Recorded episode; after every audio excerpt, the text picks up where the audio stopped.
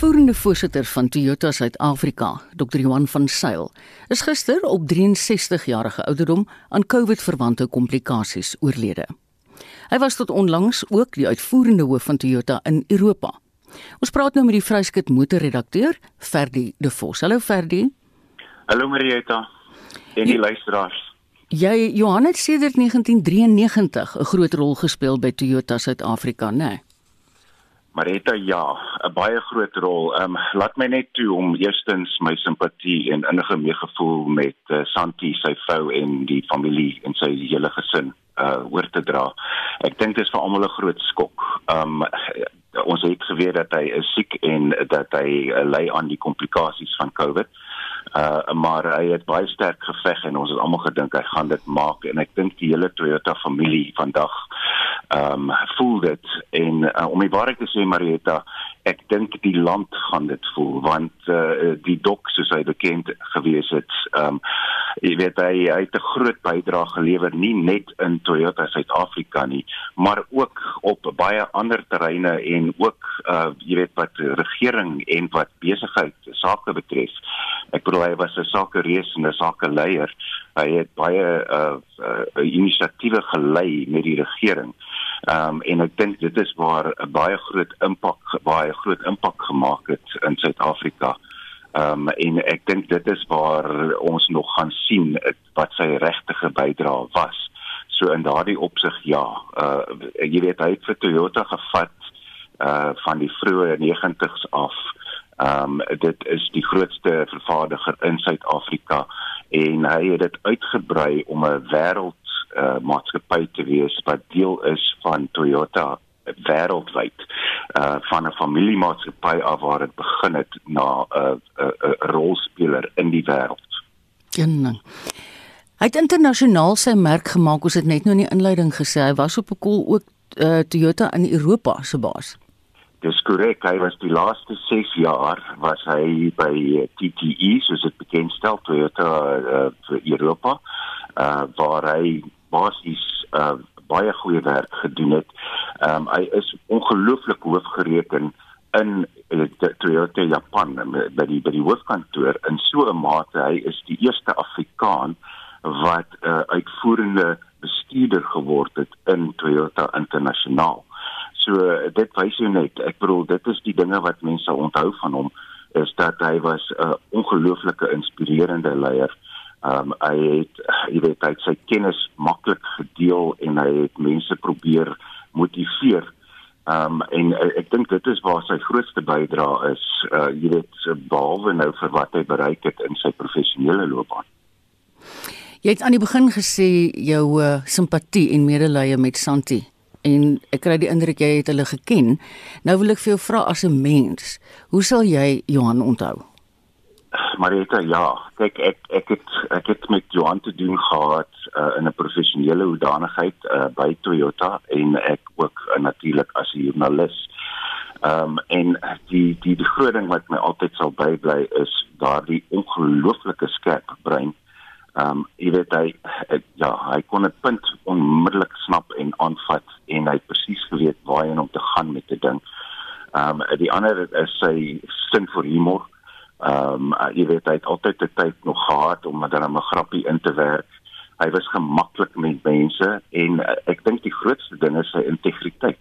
Ehm um, dit was altyd 'n ding wat vir my getref het is dat dit maak nie saak in watter omstandigheid hy is nie. Jy weet hy is dieselfde.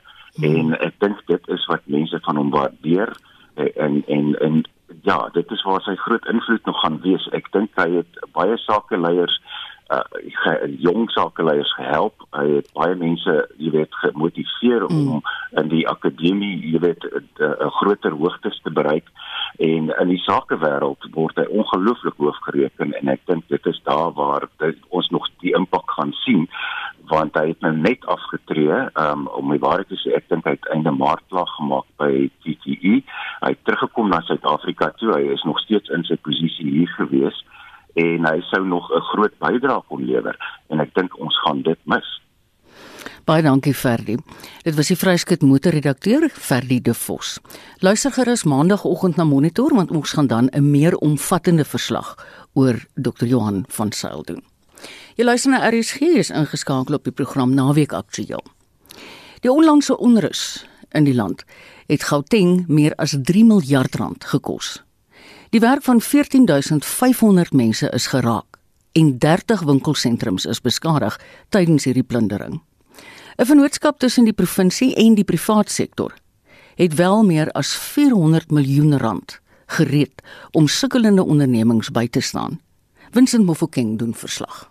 Die premier van Gauteng, David Makura, sê die plundering van goedere en die vernietiging en afbrand van besighede, insluitend winkelsentrums in dele van die provinsie, het 'n groot impak op die ekonomie van die provinsie gehad met 'n geskatte verlies van 3.5 miljard rand. How many jobs have been affected so far? 14,500 jobs have been affected by the unrest. How many malls were affected in Gauteng or shopping centers? 30 and this is 30 out of 500. In Gauteng province, there are no factories that were damaged, but there's been significant disruption of small business operations. This includes spaza shops. Verskeie finansieringsmeganismes sal beskikbaar gestel word om veral besighede te help wie se goedere geplunder is en nie verseker is nie. Maar die hulp sal ook uitgebrei word aan ondernemings wat sedertdien gesluit of gesukkel het weens die impak van COVID-19. Die Gautengse ALR vir ekonomiese ontwikkeling, Park Stau, sê 250 miljoen rand is op sy gesit, maar dit sal waarskynlik toeneem na mate meer befondsers aan boord kom. In this regard, we have firstly confirmed a partnership with the Industrial Development Corporation who have also committed portions of their own money to add on to our 250 million with an initial tranche of 50 million that's going to the rebuild fund.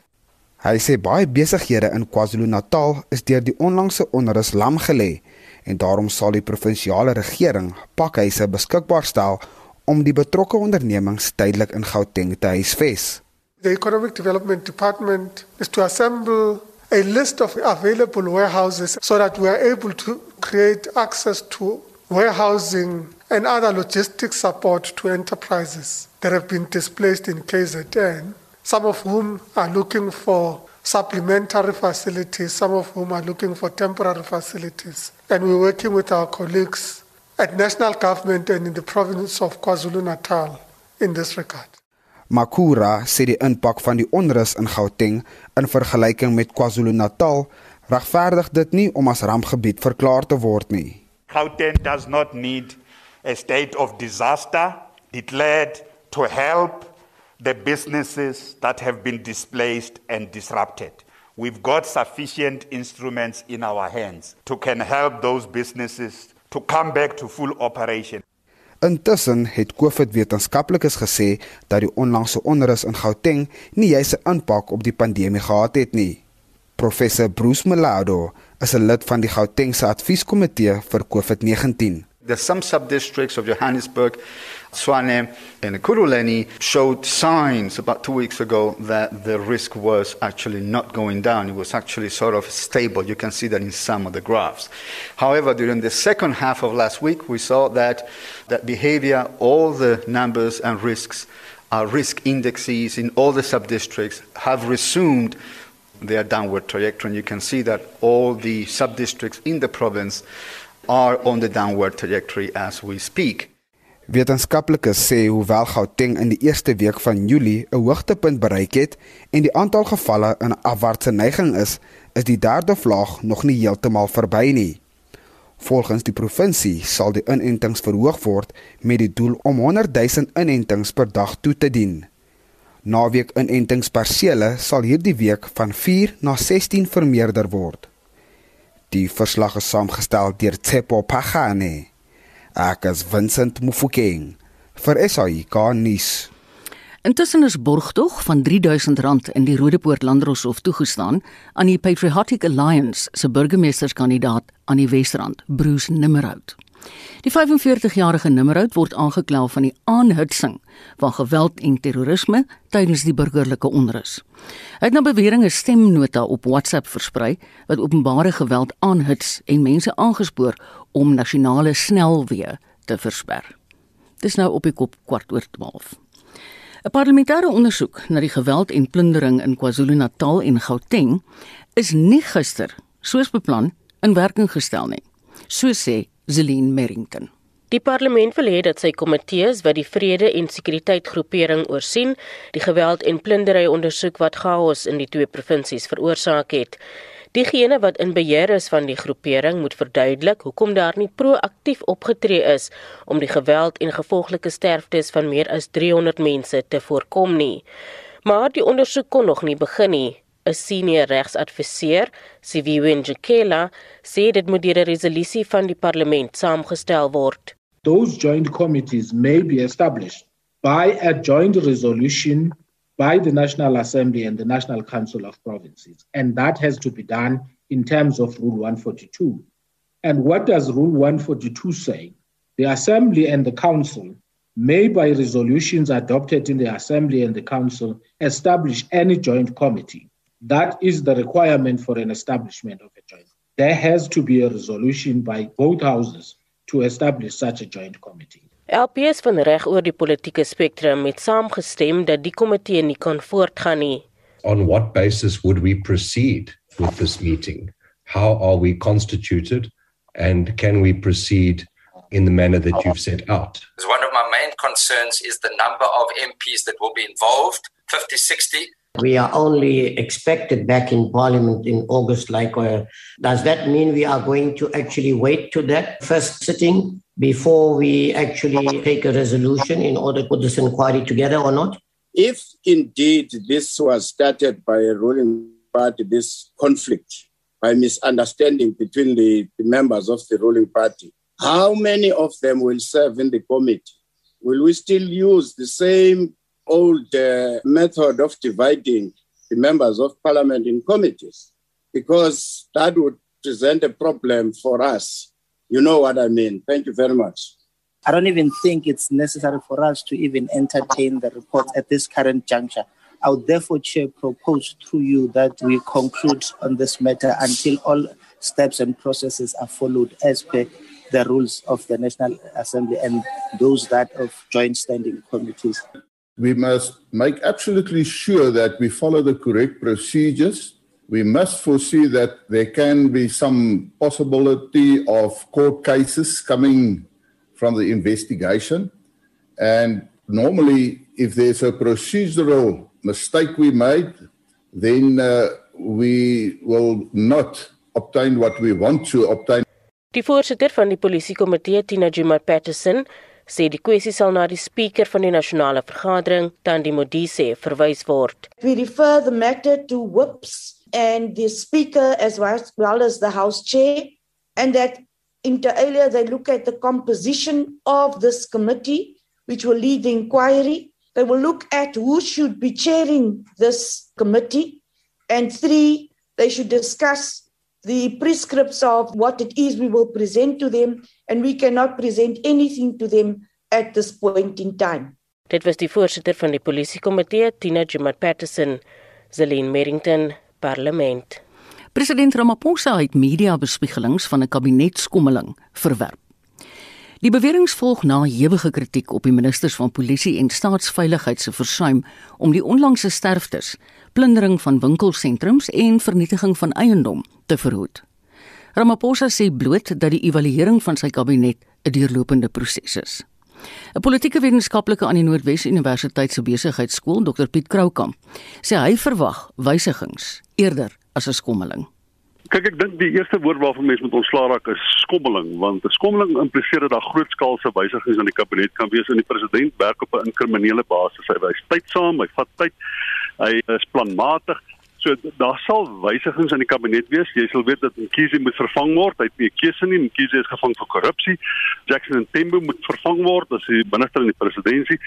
So daar sal een of twee ministers wat waarskynlik sal vervang moet word omdat daar eenvoudig portefeuilles oop gegaan het en dan sal hy waarskynlik mense rondskuif want uh bepaalde poste het belangriker geword. As jy byvoorbeeld kyk na Lindiwe Zulu wat in die kabinet is, sê dat die president as 'n ware deel van die verpligtinge van daai departement op homself geneem en hy het aangekondig dat gaan 'n R350 toelaag betaal word. Met ander woorde, hy neem so 'n soort van die bestuur van daai pos oor. So ek kan dink dat iemand 'n sterker persoon daar sal wil kry, iemand wat self die pos kan bestuur eerder wat hy die werk moet doen. Ons weet dat hy so ruk terug het hy Gwedi Mantashe arm loop draai om die megawatts uh, groen energie te verander in terme van hulle mediese beleidsraamwerk was. So mense kan dink daar is 'n moontlikheid dat hy iets met Gwedi sal doen om daai pos dalk beskikbaar te maak vir iemand anders, maar dit sal skywig en skywe wees inkrementele skywe. My moet iets in Fakile en Belula doen want ons weet dat 'n groot deel van die vernietiging van infrastruktuur in Suid-Afrika het gebeur onder Fakile en Belula die laaste sien maar 2 jaar. So daar gaan seker inkrementele tipe van skywe wees, maar daar sal nie 'n groot skommeling wees dat jy sê okay, hy het ontslaag geraak van sy vyande in die kabinet. Sorry, net 'n laaste ding sê, jy moet ook onthou, hy kan net uit die uitvoerende komitee en net uit die nasionale vergadering uit, behalwe twee ministers, kan hy net uit daai instellings kan hy sy ministers tot sy nuwe nuwe minister trek as hy veranderinge aanbring. En as jy daar gaan kyk, dan jy sien die oes is maar verskriklik uit. Met ander woorde, daar is nie werklik mense met wie hy die bestaande mense kan vervang op 'n groot skaal nie. Piet, uh, jy het nou so amper dit geantwoord, maar jy weet watter impak sal 'n skommeling hê op die gevegte tussen die twee faksies in die ANC? Al die belangrikste ding is daar is nie meer faksies werklik in die ANC nie. Ek dink die sogenaamde Zuma faksie het dit min of meer onder die water ingestrek. Maar wat wel belangrik is is wat in KwaZulu-Natal gebeur. Jy sal sien die president was hier afgelope week Durban toe gegaan en hy het gaan praat met die provinsiale uitvoerende komitee van die ANC daar. Dit is waarskynlik omdat daar bepaalde wysigings moet uh, gebeur binne die kabinet dat hy onder andere met hulle moes gepraat het. Sigrid Sekelala is uh, tans die premier daar, hy is die voorsitter van die party, maar hy sukkel om die krygsheere in die provinsie onder beheer te kry. Daar's geweldig baie druk vanuit die provinsiale uitvoerende komitee op Sigrid Sekelala en is baie duidelik dat hy nie mas nie opkom as premier nie. Jy kan nie werklik van hom ontslaa raak nie, maar jy kan hom na die sentrale regering betrek en dan hom miskien vervang met iemand anders in KwaZulu-Natal om daai provinsie se bestuur net bietjie meer onder beheer te kry. Dit is 'n probleem dat hy daardie werklike KwaZulu-Natal teenwoordigheid in die kabinet is nie, want Lamine Zuma is dit hy baie oud geword, sy wag net om uit te tree en dan sit jy met Bekkie Kelly wat die volgende minister is daar wat eintlik die mees senior persoon uit KwaZulu-Natal is en dan die lisensie Tsunuda. Nou jy sal moet iets moet doen om vir KZN 'n groter teenwoordigheid in die uitvoerende gesag te gee in 'n poging om ombestendige politiek van daai provinsie beter te bestuur. Piet, dalk net so een laaste uh, vraag en dit is uh, jy weet as jy nou die president sou wees, wie sou jy skuif? Ek sou ek weet nie met tas skuif omdat ek dink daai portefeulje is te belangrik. Mynbou is nog steeds hier sit amper 40% van ons uitvoere en daar's 'n geweldige probleem met die die, die verhouding tussen hom en die mynbedryf wil net nie van die grond af kom nie. Ek sal hom moontlik skuif, ek sal vir Lindiwe Zulu ontslaa raak. Ek wil vir Lindiwe Sisulu sal ek 'n ambassadeurspos gee in Hongarye want sy is werklik 'n problematiese minister. Hy sukkel om haar te bestuur. Sy soos hulle sê altyd jy kan nie 'n klein swart renoster kan jy nie meer boer nie want hy's te ongemaklik. nou Lindiwe se sule is eenvoudig net te ongemaklik om te bestuur die kabinet. Maar ek sê van Kile en Belula moet jy onmiddellik van ontslaa raak want onthou geen staat kan voortbestaan sonder behoorlike infrastruktuur nie. En die infrastruktuur word teen 'n geweldige spoed onder hom vernietig in Suid-Afrika. Die treinbedryf is vernietig in die Weskaap. Padvervoer word vernietig in, in KwaZulu-Natal en uh, die stasies in hier in Johannesburg, Gauteng se omgewing, al die stasies is geplunder. Dit alles gebeur onder Sekile en Belula se bestuur. Hy is net nie eenvoudig nie minister werd nie. So sê Dr Piet Kroukamp, 'n politieke wetenskaplike aan die Noordwes Universiteit se Sakeskool en hy het gesels met Susan Paxton. Inwoners van die Bokwane munisipaliteit in die Noord-Kaap wat Hartswater, Jankempdorp en Pampierstad insluit, kan uiteindelik uitsien na skoner water en beter riolering. Dit nadat Hartswater se wateringssuiweringsaanleg pas herstel is. Ons praat nou met die VF+ raadslid van die Bokwane plaaslike munisipaliteit, Theo Huber. Hallo Theo. Goeiedag Marita. Hoe lank kom hierdie probleme al? Dit het al in Januarie ontstaan, wel voor dit, maar dit het regtig krisispunt krisispunt bereik in Januarie waar die water uh, uit die krane uit van so aard was dat dit regtig waar glad nie geskik vir menslike gebruik was nie. In sommige gevalle was daar tot um, groen sluk wat uit die krane mm. uitgekom het. Mm. Julle noem in julle media verklaring dat daar eers oor 'n tydperk druk op die munisipaliteit geplaas moes word voordat enige aandag aan die probleme gegee is. Dis korrek ja. Ek het al reeds in Januarie, einde Januarie het ek al reeds 'n brief aan die administrateur geskryf en ehm um, vir hom gesê dit is totaal en al onaanvaarbaar. Ehm um, jy weet ons as gemeenskap het dit 'n konstitusionele reg op skoon water en en, en bruikbare water. Mm. En ehm um, sedertdien het daar nie veel gebeur nie. Hulle het wel daarop gereageer deur ehm um, onder andere die slukdamme ensovoorts skoon te maak en ehm um, nou in hierdie week het ek toe 'n bevestiging gekry dat hulle nou die sandfilters uh besig is om dit te vervang. Ehm um, daai sandfilters was al so oud geweest dat dit regtig waar kliphard so sement was. So daar het geen filtrering meer plaasgevind nie. Nou ek is regtig waar verheug dat dit nou uiteindelik aandag geniet.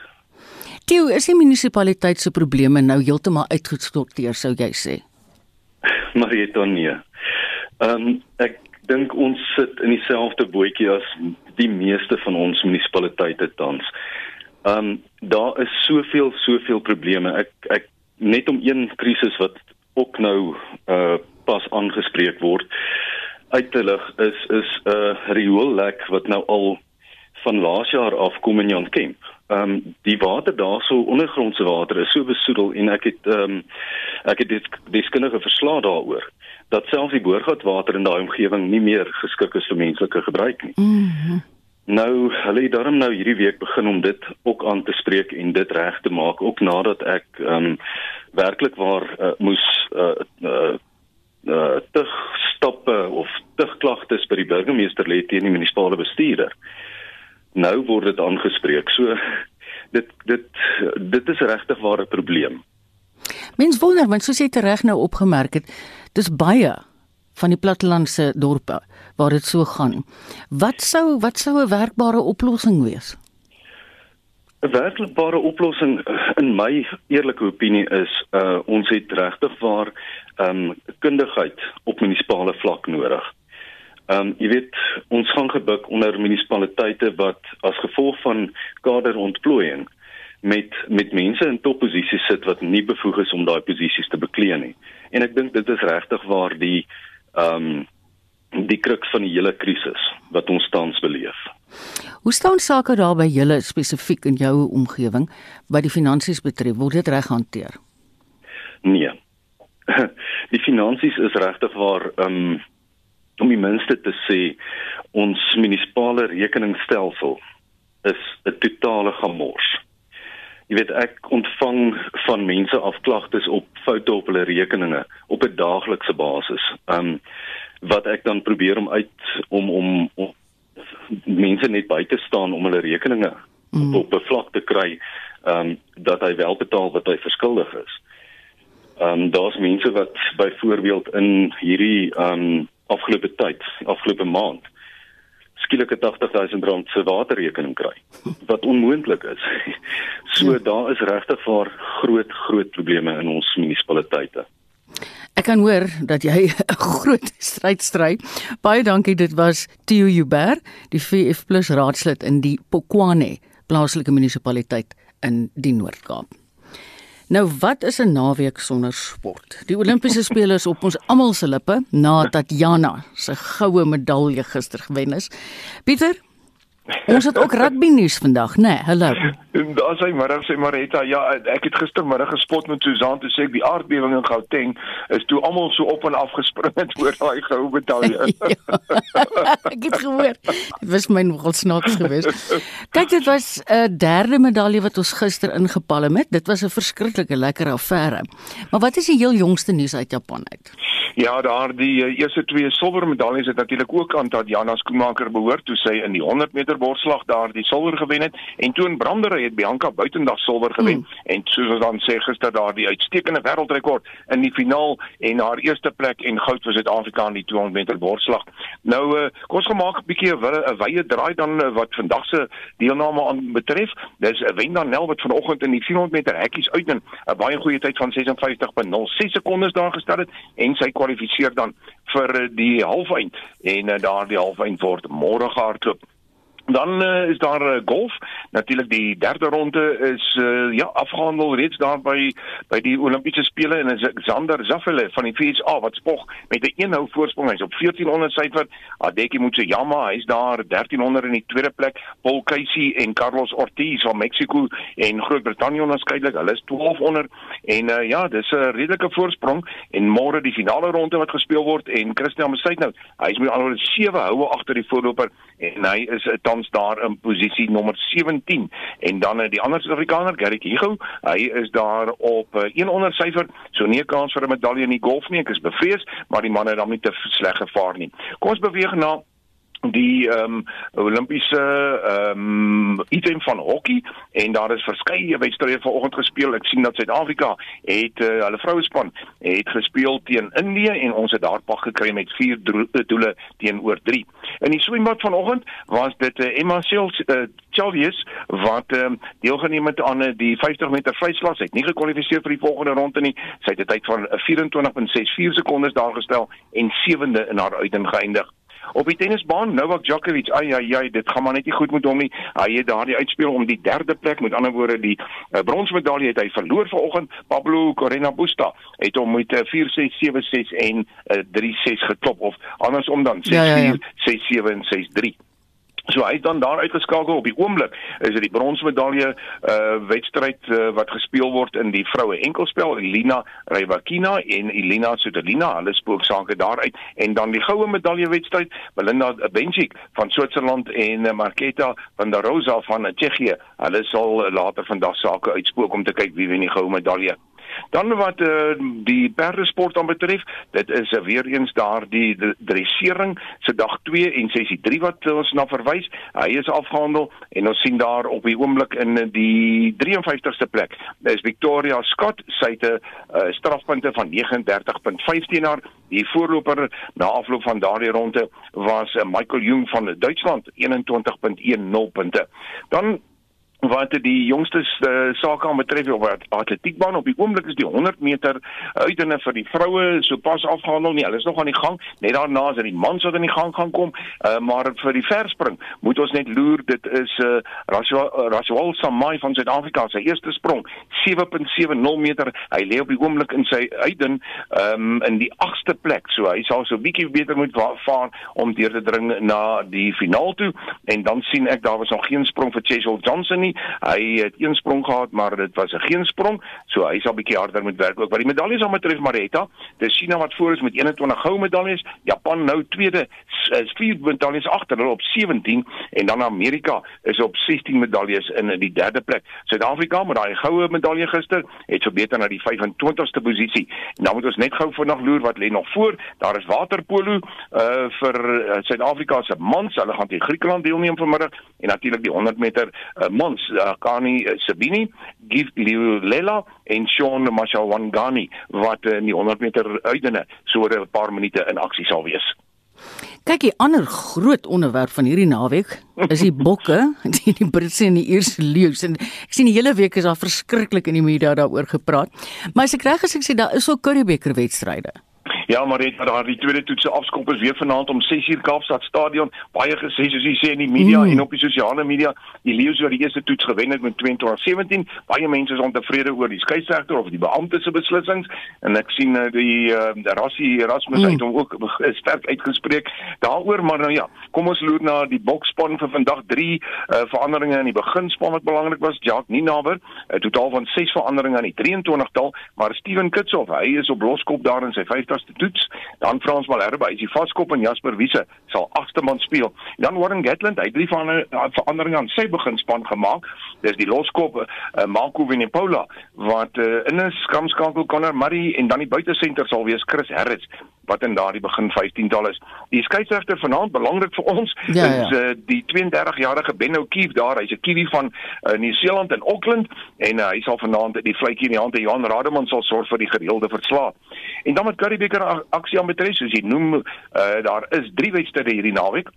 Gisterand het die bulle die WP daar in Kaapstad getroof met 34-13 die bulle het 4-3 teenoor ingedruk. Dan in Johannesburg het die leeu's op hulle tuisveld pak gekry. Die uh, Pumas was baas met 36-33 en albei spanne het 5-3 gedruk. Vanmiddag om 0:30 is dit die Haie teen die Griekwas. Die ons Koeman sal verslag doen op RSG oor daardie wedstryd en uh, soos ons sê vanaand dan Johan Rademan oor die toets daar in Kaapstad.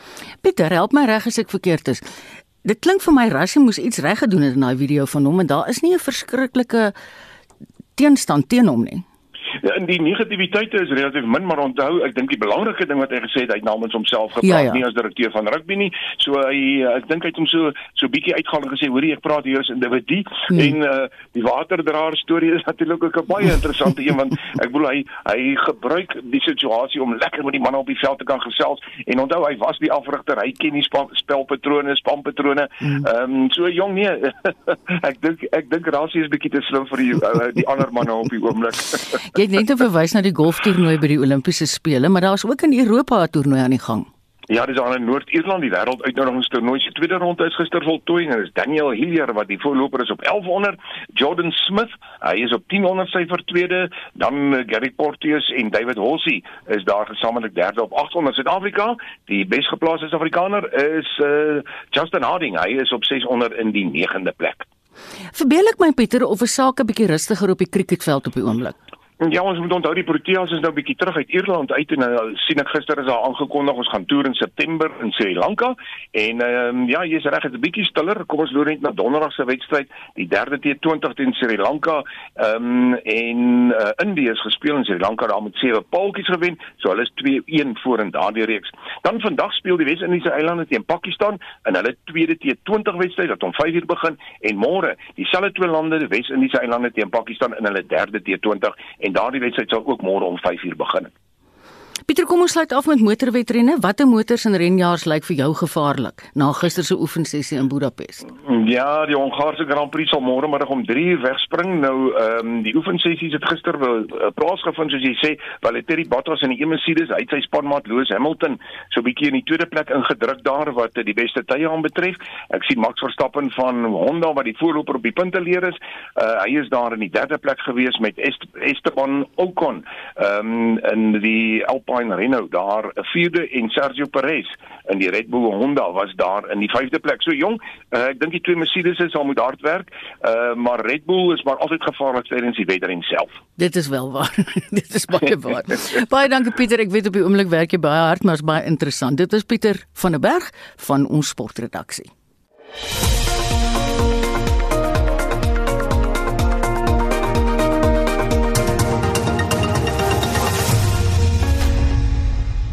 Vandag is 31 Augustus en dis nou so 20, maak dit 21 minute voor 1.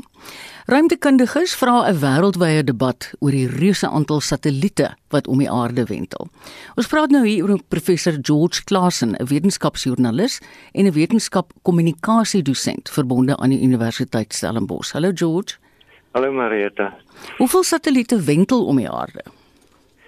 O, magdom. Ehm uh, vanjaar was daar al reeds 'n stygings van byna 28% in vergelyking met 2020. Ehm uh, die uh register die Verenigde Nasies het 'n register van gelanseerde voorwerpe in die buitenste ruimte en hulle skatting is dat daar op die oomblik meer as 7500 satelliete uh teen die einde van April vanjaar om die aarde gewentel het.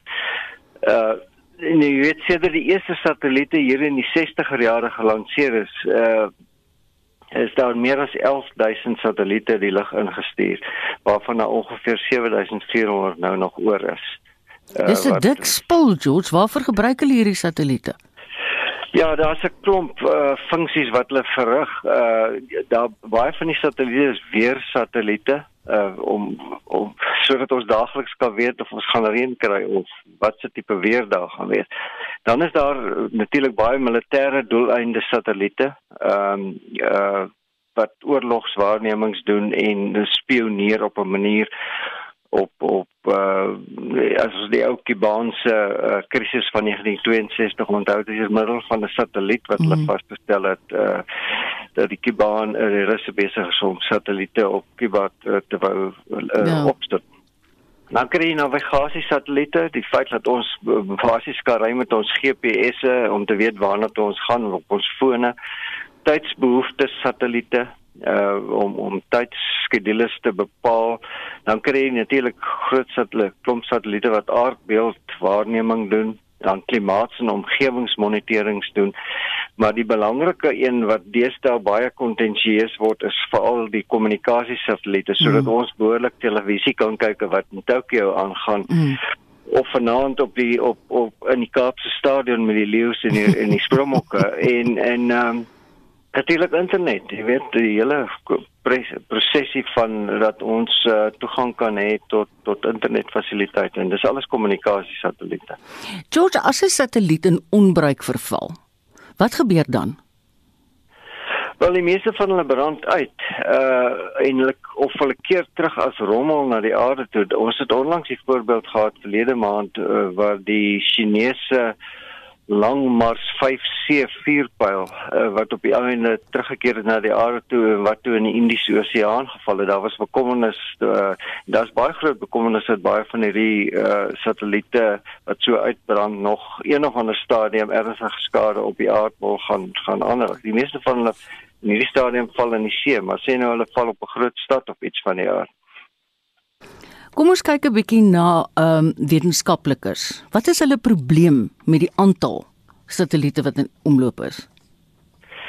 Wel die die die groot debat waaroor dit nou gaan is op op 25 Augustus hou die Verenigde Nasies se hulle te komitee oor die vredesame aanwending van die buitenste ruimte. Uh en dit is diplomate wêreldwyd wat dan saamkom want die internasionale uh, astronomiese unie het nou 'n uh, uh, uh, uh, dringende oproep gemaak dat daar gesprek gevoer moet word oor dat die ruimte baie beter beheer moet word. Uh, dit kom as gevolg van die feit dat uh jy weet die die sogenaamde CubeSat ontwikkeling wat groot getal klein satelliete gelyktydig die ruimte instuur. Ehm uh, nou hulle wil hê, jy weet die astronome, mense wat na die sterre kyk, die uh en ons sit nou die voorbeeld daarvan is die SKA, die Suid-Afrikaanse gedrewe radioteleskoop wat in die Karoo is. Wat baie bekommerd is dat baie van hierdie satelliete wat Elon Musk met sy SpaceX Starlink uh, uh konstellasie nou in die lug gestuur het uh, 2 maande gelede en aanhoudend stuur om vir ons baie beter internetfasiliteite te skep, baie direk uh inmeng met die die waarneming wat die radioteleskope doen en wat die ander teleskope doen. Uh die lug is so vuil daar buitekant met teleskope dat jy kan op 'n gegeewe aand ek kyk dikwels in die aand hier waar ek woon in Somerset West as jy in die aand kyk kan jy op 'n gegeewe tyd binne 'n uur kan jy aanhoudend satelliete sien beweeg hm. uh, uh mense moet maar net die moeite doen om dit te sien ja, ja. uh op op 'n skoon lig so die bekommernis is hoe kan hulle hierdie ding beheer dat daar uh, want dat hier dat daar nie ingemeng word met die met die astronomiese werk om te bepaal wat in die buitenste ruimte aangaan.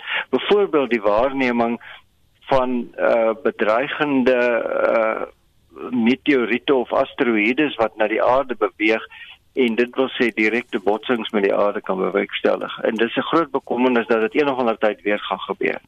Tosa word nou gevra dat die kwessie selfs by die Verenigde Nasies aandag moet kry. Ja, die die die die uh gesprek van 25 Augustus is juis om te probeer kyk na hoe kan daar oplossings gevind word. Uh NASA sê byvoorbeeld daar is miljoene stukkies afval wat in die ruimte rondvlieg en dat botsings kan grootskaalse kommunikasieprobleme veroorsaak. Byvoorbeeld dat hulle van die kommunikasie satelliete uit uh, uit uh, uit uit werking gaan stel. Maar onlangs het die Europese ruimteagentskap Clear Space 1 het hulle uh, is gestig uh, juis om ruimteafval te begin opruim. Uh maar dit sal eers hier in 2025 begin gebeur. So daar is daar is heelwat werk wat gedoen gaan moet word om hierdie soort van ding te keer uh, of, of of of die probleem op te los. George, hoe sien weer vandag daar by julle? Uh bewolkerig, o, maar nie hoe hoe wolk is nie reën nie. Goed. Baie dankie George, geniet jou naweek verder. Professor George Klasen, 'n wetenskapsjoernalis en 'n wetenskapkommunikasiedosent verbonde aan die Universiteit Stellenbosch. Die president van die Ngwane National Liberatory Congress, Sibongile Mazibuko, sê hulle vertrou nie Eswatini, voorheen Swaziland, se regstelsel nie. Dit nadat die Hooggeregshof in Mbabane uitspraak voorbehou het in die saak van die twee parlementslede wat weens terrorisme in hegtenis geneem is. Die twee word daarvan beskuldig dat hulle die pro-demokrasie gewelddadige betogings aangehits het wat eiendomme verwoes het en verskeie mense doodgelaat het. Vincent Mufokeng doen verslag. Die twee parlementslede, Bakete Mabuza en Mthandeni Dube, sal nog moet wag voordat hulle hul lot weet. Dit nadat die regter besluit het om uitspraak voor te behou oor hul borgtog aansoek. Die staat is van mening dat Mabuza en Dube 'n vlugrisiko is en dat hulle met getuies kan inmeng indien borgtog aan hulle toegestaan word. Hulle prokureur, Sifiso Jele, is egter optimisties dat hulle op borgtog vrygelaat sal word. Arguments in court were made by the instructed advocate Ntutuzi Mabila who informed the court that there was no likelihood that the applicants, which is the members of parliament, would evade their trial. He also told the court that there was no likelihood that they would interfere with crown witnesses, in particular because they were not aware of them and they could not interfere with a person that is unknown to them. He further informed the court that, be that as it may, the country has an extradition treaty with the Republic of South Africa, which is the nearest country to Eswatini. Also informed the court that it would be difficult for a person such as the Member of Parliament to evade his trial, more so because they were also business persons and they had their roots family in the country and they had families in the country. Tydens die hofverskyning het ondersteuners van die twee verdagtes slagspreuke gesing by die Mbapane taxi staanplek, nie ver van die hof nie. Die wetstoepassingsagentskappe van Eswatini word daarvan beskuldig dat hulle skerpend ammunisies gebruik het om die betogers uiteen te jaag. Sibongile Mazibuko, die president van die Nkwane National Liberatory Congress, is van mening dat die Eswatini regstelsel nie betroubaar is nie. You ask me about uh, what I anticipate uh, should be happening, the my take is that uh, judge is, is not likely to say what the king does not want to hear because as we speak, we have Judge Masu who is in Namibia, was dismissed because he took a judgment that the king did not want to hear. So we should not expect much on this. Instead, as political party assemblies, we should be going on with protest, burning the fires, uh, bringing people together, protesting every corner in this country to make sure until we get what we want. Die Eswatini regering het die bewering dat die parlementslede wat in hegtenis geneem is, polities gemotiveerd is, van die hand gewys. Sabelo Dlamini praat namens die Eswatini regering. The arrests of the two members of parliament is not for political reasons or for their political views. The freedom of expression in this country is protected by the constitution, which was a result of nationwide consultations. As the prime minister clearly articulated in parliament on Wednesday, What is not protected, though, are threats of violence, intimidation, and incitement that puts the lives of people in danger, as we did see in the past weeks, where lives were lost and property severely damaged. Eswatini, like every democratic state, is governed by the rule of law, which must be upheld at all times, regardless of our political positions or affiliations. We do have confidence in our justice system in that they will be given a free and fair trial like all suspects brought before a court of law For now, like all suspects, they remain innocent until proven guilty. Mabuza en Dube word in aanhouding gehou. Die verslag van Umtobisi Mkalipi in Umbombela. Ek is Vincent Mufokeng vir SAK nuus. Spectrum het vroeër hierdie week berig dat die Wes-Kaapse Departement van Omgewingsake en Ontwikkeling die Matroosberg privaat natuurreservaat in Ceres gedwing het om te sluit. Dit volg nadat sogenaamde sneeu toeriste informele paaie gebruik het om by die park uit te kom en sodoende 'n sensitiewe fynbosomgewing beskadig het. 'n Postdoktorale student in plantkunde aan die Universiteit van Kaapstad, Brian De Pre, het aan Anne-Marie Jansen van Vuren vertel van hierdie botaniese ekosisteem. Matroosberg is ryk in mikrohabitatte wat beteken dat baie unieke plante in hierdie area kan voorkom. Byvoorbeeld, daar's baie hoog liggende vlaktes bo op die berg met sensitiewe vlei lande met baie besondere plante wat hierin voorkom. Ook sodra mens bo die sneeulyn op enige berg kom, vind mens baie unieke plante spesies in vergelyking met gewone bergfynbos. Plante groei hoog op die berge is gewoonlik aangepas na koue toestande en sneeubedekking wat beteken die plante groei gewoonlik nie baie hoog nie. So dis spesies wat gewoonlik matte vorm of baie laag kan groei. Daar's ook baie ryk in grasagtige spesies. Hoeveel bedreigde plantspesies sou jy sê kom op Matroosberg voor? Matroosberg en die omliggende berge het enigiets tussen 50 en 100 bedreigde plantspesies wat baie hoog is vir so klein gebied baie van die plante wat op Matroosberg voorkom, kom nêrens anders ter wêreld voor nie. So die gebied waar hulle voorkom kan so klein wees soos 'n paar hektaar en enige verstoring aan so 'n gebied kan lei tot 'n spesies uitwissing. Wat kan 'n bedreiging vir hoë berghabitatte inhou? Hoë berggebiede soos Matroosberg is redelik veilig vir menslike verstoring in vergelyking met die vlaktes waar stedelike en landbouontwikkeling grootliks voorkom. Tog kan klein versteurings soos wat nou aangerig is, groot skade aan hierdie sensitiewe habitat veroorsaak. Byvoorbeeld, paaie op berge veroorsaak redelik baie gronderosie en kompakteer ook grond in veral nat of vlei landgebiede. Indringer plantspesies is 'n groot probleem in al ons berge, maar in die hoë liggende berge is baie moeilik vir Cape Nature en Working for Water spanne om hierdie uitheemse plante in hierdie gebiede uit die berge uit te haal en skoon te maak. Buite Matroosberg is daar nog sulke habitatte waar daar sulke plantspesies voorkom. Al ons hoë berge kort eintlik aandag, aangesien elke bergreeks unieke plantspesies huisves. Matroosberge en ander pieke in die Heksberge verskil byvoorbeeld van plantegroei in die Swartberge of Cederberge of Winterhoekberge. Ons moet dus elke berg as 'n unieke eenheid beskou. Ehm uh, maar ongelukkig is ons kusstreekberge vir my op die oomblik van grootste belang want hulle word regtig baie erg deur indringe spesies geïmpakteer uh en ook baie menslike verstoring, die bou van huise en ook landbouaktiwiteite ook in plekke soos Gifberg en die Cederberge.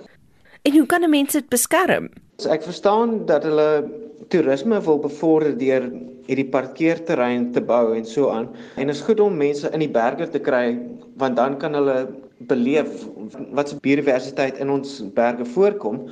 Uh ongelukkig is dit nou geval dat enige impak in die berge moet tot die minimum gehou word. En as mense nie vasgevat word nie, kan hulle byvoorbeeld nog verder skade berokken hoër op die berg en in ander dele wat nog ongerep is. So sê Brian de Pre. Brian is 'n postdoktorale student in plantkunde aan die Universiteit Kaapstad. Nou ons nog 'n bydrae op wat van Anne Marie. Die aktrise Scarlett Johansson wil Disney hof toesleep. Dit hou verband met die rolprent Black Widow se verspreiding. Black Widow se silwerdoek-vrystelling is etlike maande lank uitgestel weens die COVID-19 pandemie. Daarom het Disney toe besluit om die fliek te gelyd by die loket sowel as op hulle stromingsdiens Disney Plus vry te stel. Volgens Johansson gaan dit van haar tantieme beroof wat sy by die loket sou verdien het. Elektron Film en Visuele Media by die Universiteit van die Vrystaat, Dr. Martin Rousseau, sê dit wys net weer hoe 'n groot geldmaker superheld rolprente is. Hy het aan Anne Marie gesê dit het ook duidelik gebleik uit die onlangse Emmy-benoemings. As mens praat van groot vermaaklikheidsfranchises, dan praat ons ook altyd oor superhelde. En dis 'n kort kopie agter The Crown en The Mandalorian is Marvel's WandaVision, die minireeks wat 23 nominasies gekry het. Disney besit al vir jare die Marvel franchise ook En vir meer as 'n dekade oorheers Marvel films die cinema bedryf, die box office wêreldwyd. En nou begin ons sien hoe hoe daardie invloed ook groei in terme van hulle TV-uitsette. Hou in gedagte dat WandaVision is die storie word vertel in kontinuïteit met die breër uh, Marvel Cinematic Universe. Dit volg die verhale van Wanda en Vision 3 weke na die einde as ek van die laaste Avengers film en hierdie gaan ons meer en meer sien dat jy aanhangers van die die film franchise gaan hê wat wil weet wat word van hierdie ouens, wat gebeur met die karakters en hoe kleiner stories of ander storielyne verder uitgebrei word in die vorm van TV minireekse soos WandaVision. En hierdie goed word ook jare vooruit beplan deur Marvel en jy gaan meer en meer sien hoe dit 'n tipe van voorvereiste gaan word dat jy die TV-reeks gaan moet kyk as jy die volgende fliek wil verstaan. En sodoende kry Marvel en uiteindelik Disney dit reg om nie net meer en meer geld uit hulle films te maak nie, maar ook uit die TV-reekse. Dit word een groot pakkie as deel van 'n groter transmedia strategie.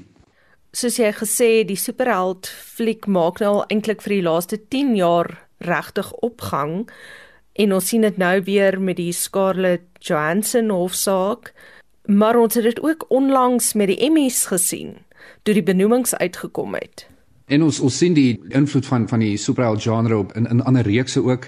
Amazon se The Boys het 5 nominasies gekry. Dit is 'n reeks wat op 'n baie selfbewuste wyse omgaan met die superheld genre en tog baie suksesvol. En na die nuus dat hulle 5 nominasies ontvang het, het Eric Kripke die die skepper van The Boys reeds gesuggereer dat daar 'n derde seisoen op pad is en selfs 'n moontlike aanhalingstekens spin-off En so groot is die aanhang en ek dink die invloed van superheld stories dat daar ook die nuus van Don Cheadle wat 'n nominasie gekry het vir outstanding guest actor in 'n drama. Dit was in ek moet sê die louwarm uh The Falcon and and Winter Soldier. Maar die skokkende ding is, hy was letterlik vir 3 minute in die betrokke reeks, twee tonele in een toneel het hy nie eers gepraat nie, geen dialoog gehad nie. En Don Cheadle het self op Twitter gesê, "I don't really get it." Maar daar is dalk tog 'n verklaring vir dit en dit is neem 'n goeie akteur en sit hom in 'n superheld reeks en die kanse dat hy 'n nominasie gaan kry word bloot net vermenigvuldig. Dit is superheld en die invloed van superheld stories vir jou. So sê Dr. Martin Rousseau, 'n filmdosent aan die Universiteit van die Vrystaat. Onthou gerus vorige uitsendings van Monitor Spectrum naweek aktueel en kommentaar is op RC se webblad as 'n potgooi beskikbaar. Gaan net na rsg.co.za toe dan kan jy net daar klik onder die verskillende opskrifte. Ek groet namens Wessel Pretorius wat die waarnemende uitvoerende regisseur is, maar ook vandag se redakteur en ons tegniese regisseur vandag is Daitrin Godfrey. En ek is seker jy gaan die middag verder saam met Renske geniet. Die 1 uur nuus lê voor en natuurlik is ons 'n vol sportprogram vir middag. Geniet jou naweek.